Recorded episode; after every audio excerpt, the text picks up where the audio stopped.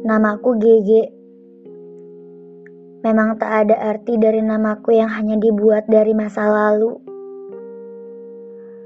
Nama yang aku buat dari rasa sakit yang awalnya gak pernah aku kira bakal sakit. Pernah gak kamu bikin nama panggilan kamu dari seseorang yang pernah kamu sukai? Terus gimana kalau udah gak suka lagi? Kalau kita malah jadi benci karena dia yang malah ninggalin kita. Apa namamu mau diganti lagi biar bisa ngelupain? Bagi aku enggak deh. Enggak aku ganti karena aku udah nyaman sama nama ini. Meski dia yang melekat di namaku sudah pergi, tapi Tuhan mendatangkan banyak manusia yang menyayangi aku dan mengenal aku dengan nama ini. Gak bagus bagi kita kalau menghapus semua masa lalu yang pernah kita rasain. Nanti gak jadi sejarah dalam hidup. Gak apa-apa meski sejarah itu sakit banget. Tapi menurut aku setiap momen harus diabadikan meski cuma kesimpan aja di otak. Eh, Ge, kok namanya kayak cowok? Biasanya kan GG itu cowok. Hmm. Hidupku memang banyak rasa dan juga peristiwa. Ada banyak hal yang terlintas di pikiranku. Banyak sekali perubahan yang ingin aku buat untuk memudahkan teman atau siapa pun di luar sana. Termasuk penyebutan namaku. Nama asliku adalah Gaida. Tapi lebih seringnya manusia salah dengar dengan namaku. Sehingga aku memutuskan untuk dipanggil Gege saja. Aku merasa nyaman ketika nama Gege menjadi milikku. Rasanya lembut sekali mendengar orang memanggilku G. sudah, sudah. Itu hanya aku yang merasakan. Untuk kamu yang malah mengerutkan dahi, inilah aku, GG. Aku itu manusia yang sering menganggap spesial hal-hal sederhana, yang bahkan menurut kamu tidak ada artinya di matamu. Tapi di mataku, setiap hal selalu ada artinya. Apalagi jika hal itu kuanggap penting seperti kalimat semangat dari teman, atau mungkin hanya sekotak susu ultra rasa moka yang aku beli di koperasi sekolah. Aku koleksi karena menurutku itu enak dan penting. Pernah menjadi kisah yang menyenangkan di hatiku. Teman-teman yang mengenal aku menganggap aku sosok yang ceria. Tapi kalau sudah sedih, bakal sedih terus-terusan. Aku pun katanya manusia yang cengeng dan mudah menangis.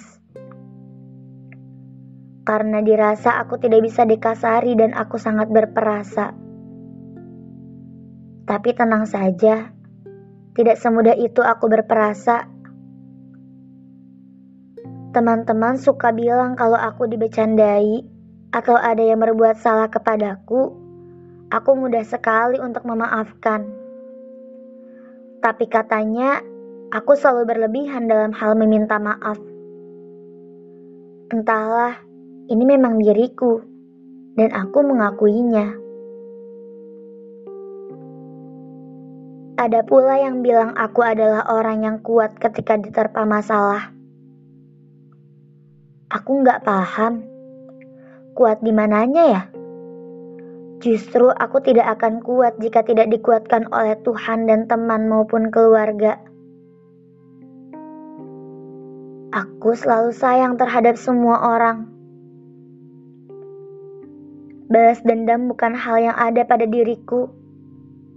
Entahlah, aku rasa ketika ada orang yang menjatuhkanku atau mungkin meninggalkan aku, aku tidak pernah merasa membencinya Kartu benciku tidak pernah menempati manusia. Jarang sekali aku membenci manusia. Karena menurutku, manusia yang salah bukan untuk dibenci, tapi untuk diluruskan untuk menjadi benar. Aku tidak sempurna. Aku banyak kurangnya. Tapi aku mensyukuri kekuranganku meski mungkin aku pernah mengingkarinya. Namun pada akhirnya, kekurangan yang tidak bisa kuubah memang melekat dalam diri.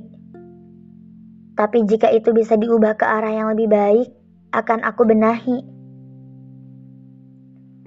Tingkat kefriendlianku sangat tinggi Aku selalu menerima siapa pun yang ingin mengajakku berteman asal itu hal baik. Aku senang dalam mencari teman, relasi, atau apa pun.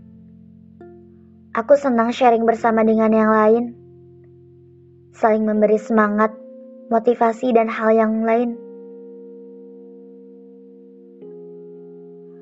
Motivasi yang kuberi untuk orang lain pun bukan semata-mata aku menggurui dan aku merasa paling baik melainkan aku ingin menyemangati diriku sendiri melalui aku menyemangati orang lain. Motivasi itu pun untuk diriku sendiri juga. Aku ingin manusia lain bangkit dari keterpurukan bersamaku. Aku gak mau jika hanya aku yang berdiri. Aku inginnya kita saling menopang dan sama-sama berdiri bahkan sama-sama berlari melawan rasa sakit yang disebabkan hidup kita sendiri dengan menuju yang lebih baik. Ini aku, GG, ingin menjadikan semua manusia berdamai dengan rasa sakitnya. Menjadi manusia yang baik setelah mengalami kegagalan. Selepas ini, buka episodeku. Dengarkan lalu kita berdiri sama-sama. Tetap bahagia ya.